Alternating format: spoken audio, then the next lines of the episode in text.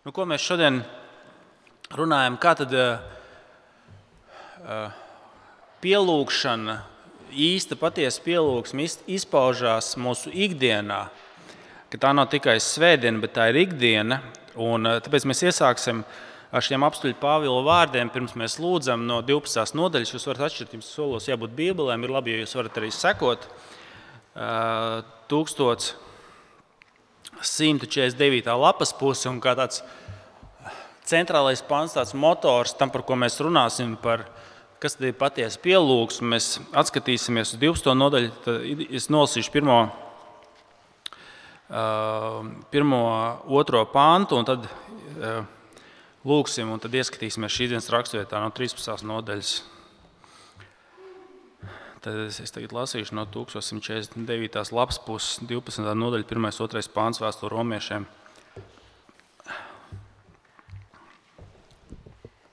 Es jūs aicinu, brāļi, Dieva apžēlošanās dēļ, nododiet sev pašus. Tā ir jūsu apzinīgā kalpošana Dievam, kā dzīvu svētu un Dievam tīkamu upuri. Netopiet šim laikam līdzīgi, bet pārvērtieties, atjaunodamies savā prātā lai jūs varētu izprast, kas ir Dieva griba, to, kas ir labs, tīkams un pilnīgs. Tas ir Dieva vārds. Lūksim. Tiešām palīdzi, Kungs, ar savu svēto garu, caur tavu vārdu, caur patiesību, lai mūsu prāts atjaunojas, lai tas, kā mēs domājam, kā mēs rīkojamies, ko ar, mūsu arī emocionālā pasaule, tas, lai ar tavu vārdu atjaunot, lai viss mūsu eh, cilvēks, gan mūsu ķermenis, gan mūsu dvēsele, tiešām eh, tie, pakļaujas tavam vārdam. Tiešām dēļ tā, Jēzu, ka tu esi kļuvis par mūsu upuri, par mūsu glābēju, lai tava apžēlošana tiešām ietekmē, kā, mēs, eh, kā mūsu atsvešināšanās tiek dziedināta no tevis, no vienam no otra. Un, um, arī no mūsu, no mūsu vidas tēvs. Lūdzam, lūdzam to tiešām ar savu svēto garu, kungs, lūdzu mūsu uzrunā. Jēzus vārdā Āmen. Āmen. Uh, dažkārt uh, mēs varam uzskatīt, ka tas, ko mēs uh, darām dievkalpojumā, ka tā ir pielūgsme un tad mēs izējām ārā, un tā ir vienkārši mūsu dzīve.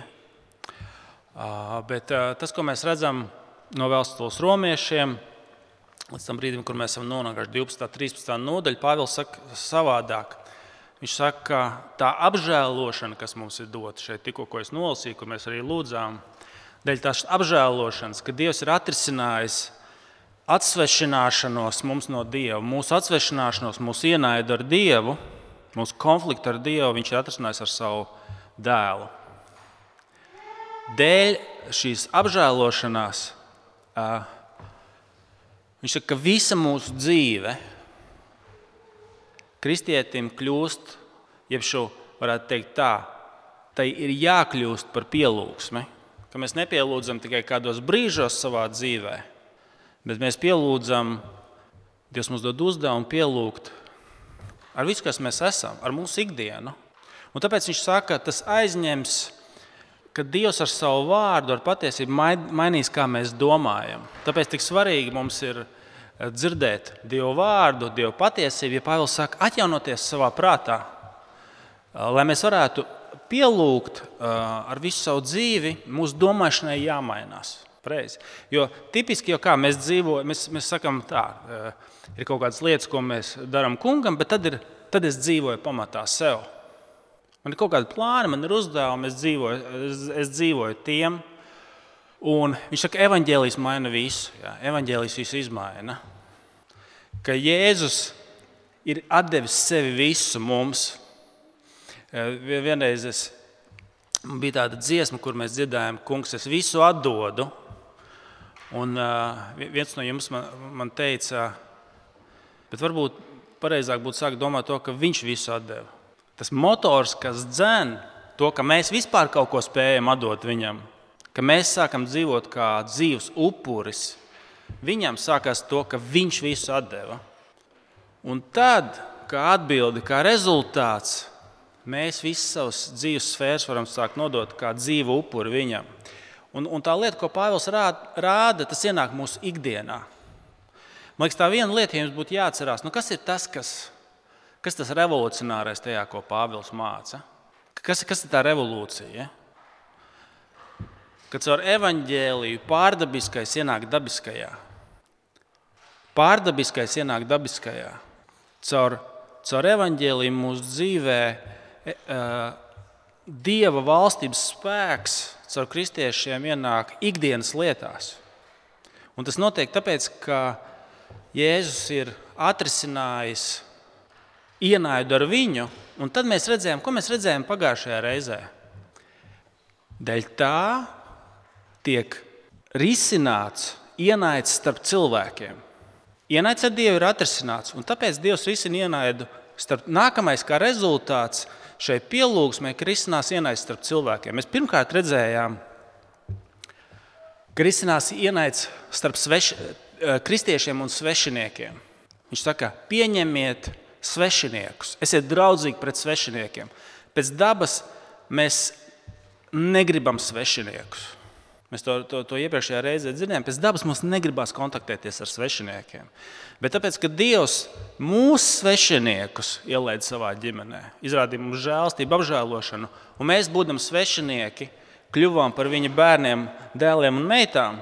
Viņš saka, lai evaņģēlijas jūsu vidū, savā starpā starp kristiešiem, kur dabiski būtu tavs svešinieki, viņi būs no citas tautas, viņi būs no citas sociālās grupas Viņi būs no citas politiskā kaut kāda teiksim, spektra, ja? bet Kristū tie, kas bija svešinieki, kļūst par vienas ģimenes locekļiem. Un tas mūsu draudzē tam bija jāizpaužās, kā atcerieties šis vārds, ko es teicu, uh, uh, filoksēnija.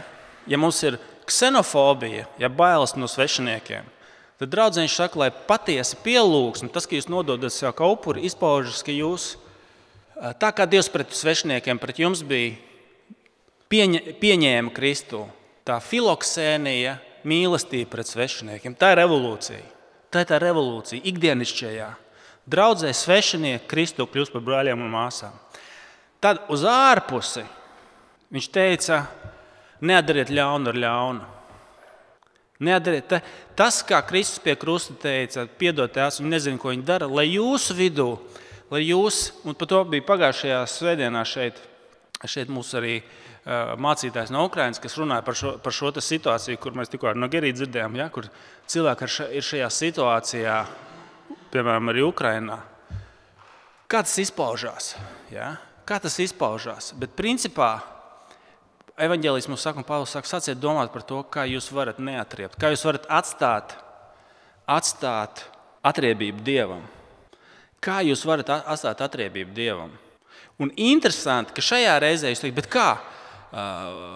Vai tad, vai tad ļaunums nav jāsoda? Kad tu saskaries ar vardarbību, ar noziegumiem, vai nekas nav jādara? Viņš saka, jā. Un tas, noved, tas ir tas tilts, kas noved pie šīs reizes. Viņš saka, valstī ir dots zobens sodīt ļaunumu. Saka, ko mums darīt ar ļaunumu, ja mēs sastopamies ar, ar vardarbību pret bērniem vai vardarbību vienam pret otru noziegumiem? Viņš saka, Dievs ir ielicis. Dievs ir ielicis instrumentu. Tā ir valsts vara. Tā ir valsts vara, kurai dod šis zobens, lai sodītu ļaunumu. Un šī vara ir no kunga. Un tāpēc mēs nonākam pie, trešā, eh, pie, pie trešās lietas. Pirmkārt, Dievs ir atrisinājis ienaida mums ar sevi caur Kristus asinīm, mūs padarīs par viņa ģimenes locekļiem. Dēļ tā svešinieki kļuvuši par vienas ģimenes locekļiem draudzē. Piedot, neuzņemties atriebību, atstāt, lai Dievs soda uh, un, un, un, un valstī uzticēto zobenu. Ja? Un šodien uh, atsvešinātība starp cilvēku un valsti. Viņš saka, pakļaujieties valsts varai. Paskatieties, 13, 13. nodaļa jums priekšā vai uz ekrāna, vai jūs varat paņemt savu, savu Bībeles tekstu. Uh, sākot no 1. panta, uh, no 1 līdz 4, 13, no 1 līdz 4. Ik viens, lai ir paklausīgs augstākajām varām, jo nav tādas varas kā viena no dieva. Un tās, kas ir, ir dieva ieceltas. Tas, kas pretojas varai, saceļas par dievu iedibināto kārtību, bet tie, kas saceļas paši sev, izpelnās sodu. Jo no valdītājiem nav jābaidās, kad dara labu, bet vienīgi, ja dara ļaunu. Tu negribi baidīties no virsvaras, dari kas labs, un tu saņemsi no tās uzslavu. Valdītājs ir, valdītājs ir Dieva kalps tev pašam par labu. Bet, ja dari ļaunu, bīsties. Jo nevelti viņš nes zobenu. Viņš ir Dieva kalps, kas bardzībā atmaksā tam, kas dara ļaunu. Atcerieties, Pāvils teica, atstājiet Dieva ziņā ļaunumu sodīšanu. Neatriebieties, kur tas ir jūsu varā, turiet mieru ar visiem, cik, cik vien tas ir iespējams. Atstājiet Dieva ziņā, viņš sodīs. Un viens no veidiem, kā Dievs sodīs ļaunumu, jau tagad, dažreiz ziniet, saka, ka kristieši tikai gaida uz, uz Dieva sodu nākotnē. Ok, tas ir taisnība, bet Dievs ir iecēlis instrumentu, kā sodīt ļaunumu jau tagad, kā ierobežot ļaunumu, kā, kā to kontrolēt. Ja. Tas ir kā nezinu, pret tevi ir izdarīts noziegums. Tu neņem, tu neņem pats ieroci rokā vai kaut kāds uh, instruments, lai, lai, lai sodītu, bet ir valsts iecelta kārtība. Ja? Ir policija, ir prokuratūra, ir tiesas. Tas ir Dieva iecelts veids, kā viņš jau tagad soda ļaunumu. Tā ir daļa no tā, ka tu atstāji Dieva rokās sodīt. Tas ir pirmkārt. Bet kopumā Pāvils, pirmā lieta, ko, ko viņš saka, Kā izpaužas kristiešu pielūgsme publiskajā sfērā? Ka viņš respektē valsts varu. Viņš respektē valsts varu. Un atcerēsimies, ka Pāvils raksta tajā laikā, kad valdīja Nērons, kas vajāja kristiešus. Un es zinu, ka Pāvils saka, ka arī šajos apstākļos viņš to raksta, kur mēs teiktu, nē, nu, tā, nu, kā viņi tādai varēja pakļauties pareizi. Pāvils to iemeslu, kāpēc tas ir jādara, viņš Viņš pavisam vienkārši paskaidro. Viņš saka, nav nevienas valsts varas, kas nav no dieva iecelta. Tas iemesls, lūk, kur viņš saka, vai ne? Pirmā panta, otrā puse. Jo nav tādas varas kā viena no dieva, jo tās, kas ir, ir dieva ieceltas. Pasaules vēsturē visas valsts varas, ieskaitot Babilonijas ķēniņus, ieskaitot Persijas ķēniņus vecajā derībā, jaunajā derībā Romas vara. Ja? Es, ja, pagāniskās Romas vara. Viņš saka, arī viņi ir iecelti un uzticēts viņiem zobens, lai ierobežotu ļaunumu. Tas iemesls, kāpēc kristietis arī pakļāvās šai varai, un Pāvils liek viņiem pakļauties, paklausīt, ir tāpēc, ka tas ir iecelts no Dieva. Kristietis savā ziņā ir brīvs, tāpēc viņš saka, ka Dievs ir suverēns. Un atkal un atkal mēs visai Bībelē caur redzam, ka Dievs lieto pat ļaunas varas, pat grēcinieks, pat kas ne, neklausa dievam negrib klausīt dievam, lai piepildītu savus plānus. Par teiksim, vecajā derībā, kad dievu tautai bija jāiet trimdā, viņš saka, Kīrs ir mans svaidītais persiešu ķēniņš. Viņš ir mans svaidītais, viņš izpilda manus plānus. Viņš izpilda mans uzdevums, ko es iecēlu. Kad Jēzus tiek sists krustā un Poncijas Pilārs trīsreiz apliecina, ka Jēzus nav vainīgs, un tik un tā viņu piesita krustā, Viņš tik un tā piepilda Dieva plānu. Dievs ir tik suverēns un varens, ka pat ļauni valdnieki, pat pretodamies, tik un tā piepilda Dieva plānu. Tāpēc kristietis arī esot valsts priekšā, kura viņš redz, ka viņa negrib varbūt kalpot Dievam. Viņš ar brīvību var viņai pakļauties, jo viņš zina, ka nav tādas varas, par kuru Dievs neturētu savu aci vaļā, kura neizpildītu to, ko Dievs grib. Arī pat tad, kad viņš šķietam dara pretējo, pre, darbodamies pret Dievu. Ja mēs tikko mēs Bībeles studijā pa nedēļu tiekamies, mēs lasi, lasām Jāņa evaņģēliju. Un tur ir augstais priesteris, kad uh, viņi nolēma nogalināt Jēzu. Augstais priesteris saka, jūs neko galīgi nesaprotat vairs. Visi Jēzum seko, visi viņam seko. Jūs nesaprotat, kas tulīt notiks. Viņi mums visu atņems. Viņi mums atņems templi, un, un, un šo zemi un visu. Tāpēc labāk vienam tas jēzum iet bojā, lai visa tauta izglābtos. Respektīvi, augstais priesteris grib nogalināt jēzu. Viņš cīnās par savu varu, viņam neinteresē Dieva valstība. Bet ar šiem aplamajiem vārdiem, darbojamies pret Kristu, darbojamies pret Dievu, viņš tikai piepilda Dieva plānu. Jūs saprotat, kas ir Dievs? Ir tik suverēns. Pat tad, kad augstais priesteris sazvērās ja, un plāno apturēt Dieva plānu un dara visu, lai to, to izdarītu, no, piestot Jēzus krustā, viņš panāk tieši pretējo. Tas ir tas, ko Pāvils saka. Visas varas ir ieceltas, un arī tad, kad viņas darbojās pret, viņas tikai tik un tā ir Dieva kalpi, un viņi piepilda pat paši nesaprastams Dieva gribu. Un viņām ir dots, dots zobens. Kāpēc? Lai sodītu ļaunu. Viņas, viņas izpilda Dieva, Dieva uzdevumu, ierobežot ļaunumu. Arī pat nepilnīgas, arī pat tā, tādas, kas ir atklāti bezdievigas. Redziet, uh, uh, Ceturtais pāns. Valdītājs ir Dieva kalps tev pašam par labu, bet ja dari ļaunu bīsties, jo nevelti viņš nes zobenu. Viņš ir Dieva kalps, kas bardzībā atmaksā tam, kas dara ļaunu. Uh, ja, viņš valsts, kāpēc, kāpēc pirmais iemesls, kāpēc kristieši ir aicināti pakļauties di, di, tātad, valsts varai? Tāpēc, ka tās visas ir no Dieva. Kristietis nav naivs tajā ziņā, ka domādams, uh, viņam ir reāls skatiens, ka nevienmēr visas šīs varas ir, ir, ir, ir lojālas Dievam. Ne visi valdnieki ir lojāli. Ļoti bieži nē, pārsvarā viņi nē. Tāda nav. Bet Dievs ir tik suverēns, ka viņi tik un tā īsteno Dievu vārdu. Tas ir tas, tas, pirmais iemesls. Un kāds izpaužas, redziet, viņš pa, pa, mūsu ikdienā, Pāvils, viņš saka, kā tas. Tā, tā tēma, kas mums vienmēr nepatīk, viņš, viņš saka, ka kristieši aicināti arī maksāt nodokļus. Ja? Uh, 6. un 7. pāns. Mēs neviens negribam dzirdēt šo pāntu. Bet tā, tā Pāvils saka, 6. un 7. pāns. Tādēļ jūs maksājat nodokļus, bet vadītāji ir Dieva kalpotāji, kas to uzrauga.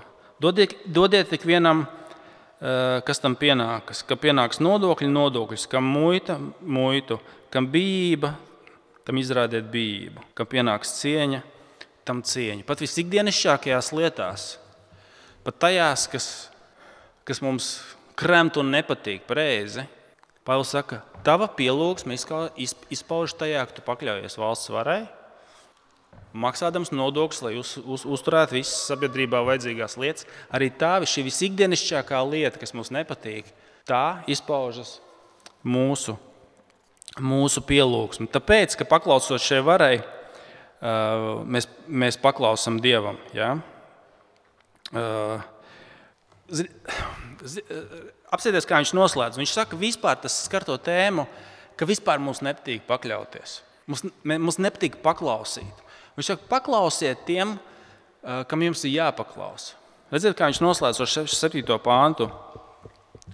Dodiet tik vienam, kam pienāks, kam pienāks nodokļi, nodokļus, kam muitu, muitu kam bijība, tam izrādiet bijību, kam pienāks cieņa, tam cieņa. Tas viņš neatiecās tikai uz valsts varu. Pāvils saka, tas aicina atsvešinātību no cilvēkiem, ka mums vispār nepatīk paklausīt. Ja mēs kādreiz esam dzīvojuši laikā, kad mums nepatīk paklausīt, tad tas ir šodien visdrīzāk. Es nesen redzēju kaut kādu karikatūru, varbūt jūs arī esat redzējuši, kad, tad, kad mēs augām 80. gados, vai citi no jums agra, vēl agrāk, vai drusku vēlāk, ja, bet mūsu bērnībā vecāki teica, vai tu atvainojies skolotājai? Tu atvainojies skolotājai. Tas šodien saka, dēliņa meitiņa vai skolotāja tev atvainojās. Ja? Ir, maini, ir mainījusies, ir, ir mainījusies uh, dinamika tāda par paklausību. Pareizi.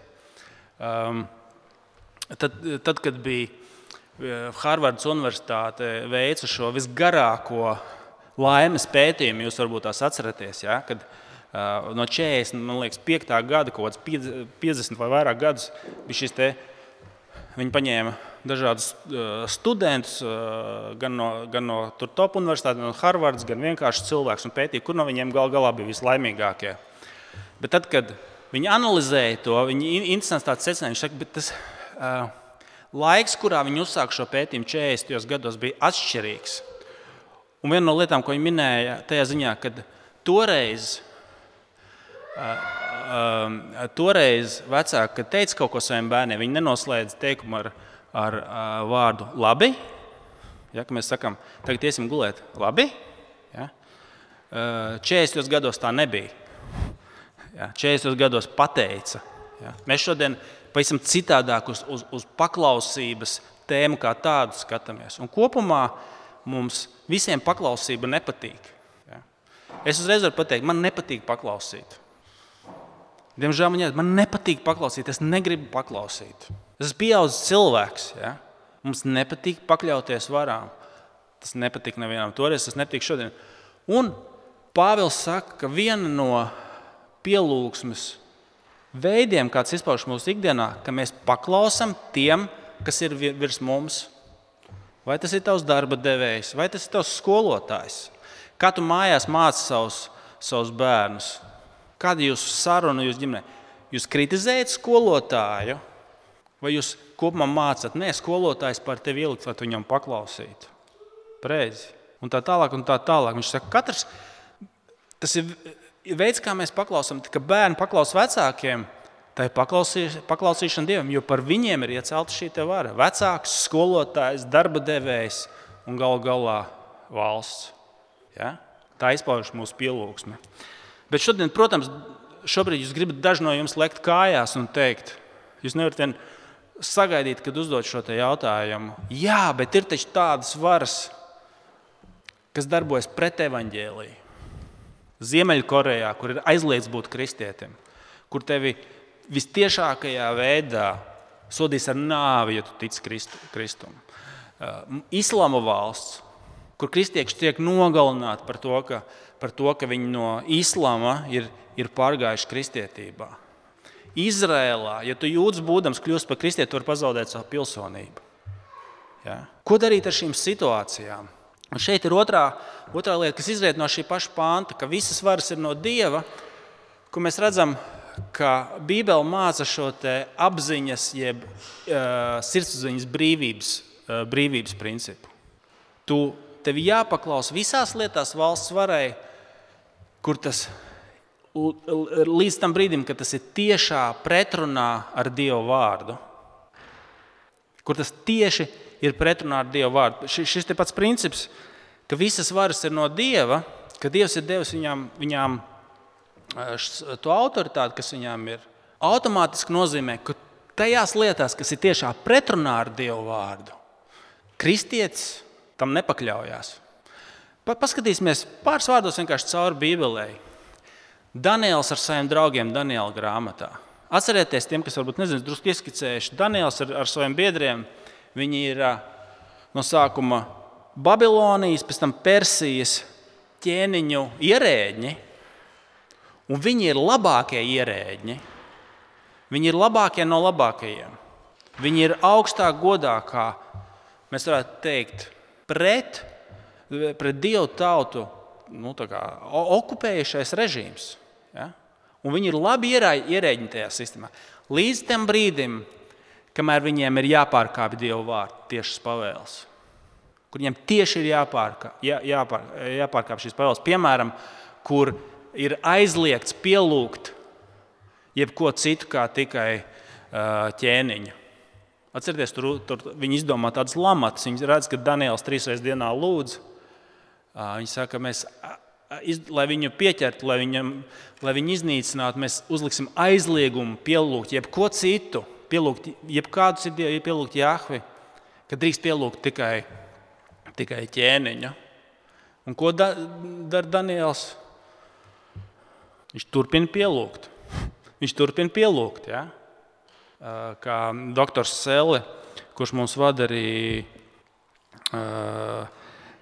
padomdošanas kursus, runājot par Danielu. Viņam bija tāds, ka cik daudz pierādījumu ir pret tevi, ja, ka tu esi kristietis.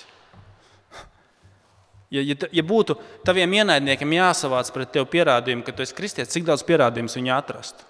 Daniels publiski turpina pielāgot. Viņš ir labs, uh, viņš ir labs pilsonis. Tā ir pirmā lieta, ko mēs redzējām.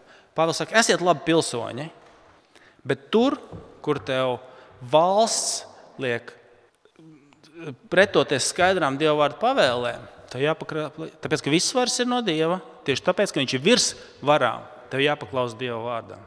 Daniels ir labs pilsonis, labs ierēdnis, bet tur, kur viņam valsts var liekt nepaklausīt Dieva vārdam, viņa augstākā vara, augstākais uzdevums ir paklausīt Dieva vārdam. Kur, kur tas iejaucās tieši skaidri, skaidri viņa pielūgsmē. Tur, kur valsts vara Ziemeļkoreja aizliedz būt par kristieti, protams, augstākā pavēle ir, ir pielūgt Kristu vai teiksim, nezinu, sportists, kuram ir jāvalk praida, praida karoks. Viņš ir kristietis, bet viņam ir uz, uz sacensībām jāvalk praida karoks. Viņa, gal, viņa augstākā, augstākais uzdevums, augstākā autoritāte, augstākā lojalitāte ir pret, pret Dieva vārdu. Ja?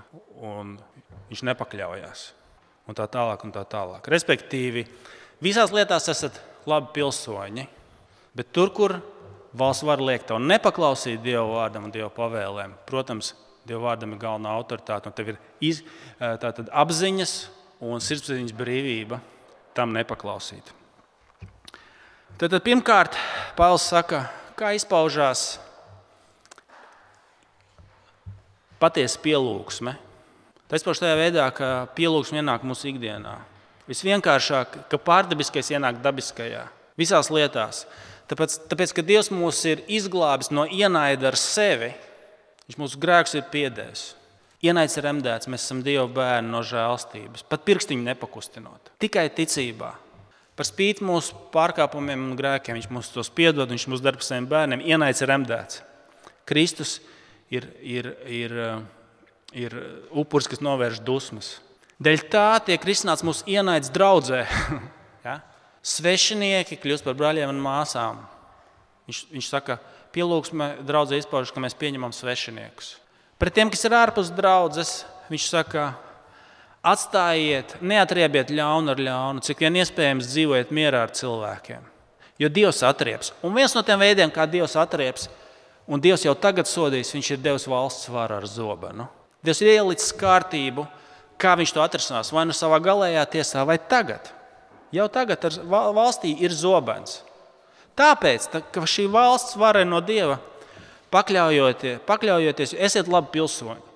Maksājiet nodokļus, godājiet varu, kas ir virs, virs, jums.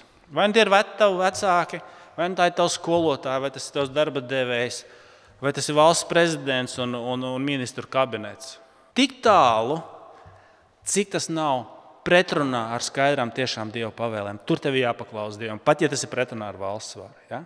Tas ir niansēts, es gribu teikt, ļoti saprātīgs un niansēts skatījums, kas nav vienkārši vienmēr ar, ar, tā kā, ar, ar tādu, uh, kas, kas, kas neizprasa gudrību, bet viņš ir saprātīgs un, un gudrs gudrs skatījums un ceļa karte tavai dzīvē. Jo valsts var arī labas lietas darīt. Ja? Un arī tā, ka mēs to nesaprotam, viņš tik un tā piepilda viņš di, di, dievu plānu. Viņam ir zobens, lai sodītu ļaunumu un arī par tevi rūpētos. Un tur, kur tas ir pretrunās ar skaidrām dievu pavēlēm, viņš saka, tev ir izvēles brīvība. Un tev pat ir uh, pienākums nepakļauties, ja tas tieši ir pretrunā ar dievu vārdu viņa pavēlēm. Ja? Tas ir niansēts, nav kaut kāds tā kā ar tā kā tāds nezinu, tā kā nesaprātīgs vai izlauzt roku tāds skatījums. Viņš ir saprātīgs. Ja? Vai valsts var nedot kaut ko labu? Jā, tā ir no dieva, dieva iecelta. Viņi dara labas lietas. Un vienmēr piepildīs dieva plānu, pat arī, ka tu nesaproti. Bet tur, kur tas ir pretrunā ar to, ko kungs liek, protams, tev jāpaklausa evaņģēliem, tev jāpaklausa. Pat ja tas ir pretrunā tam, ko valsts māca. Mūsu pielūgsme izpauž arī tam, ka mēs pakļaujamies varām. Un, tāpēc mēs bieži vien esam ne, nepaklausīgi tiem, kas ir virs mums. Un gal galā esam nepaklausīgi Dievam. Tā mūsu vēlēšanās nepaklausīt izpaužas tajā, ka mēs arī negribam paklausīt Dievam. Bet labā ziņa tā, ka Jēzus piedod mūsu grēkus. Viņš piedod mūsu nepaklausību. Mēs nāksim pie Kunga ar savu grēku sūdzes lūgšanu, ka mēs izsūdzam savus grēkus, lai varētu saņemt atdošanu un dot atdošanu tālāk. Dievs, Jēzu mūs nomazgā un, un pieņem savā dēlā.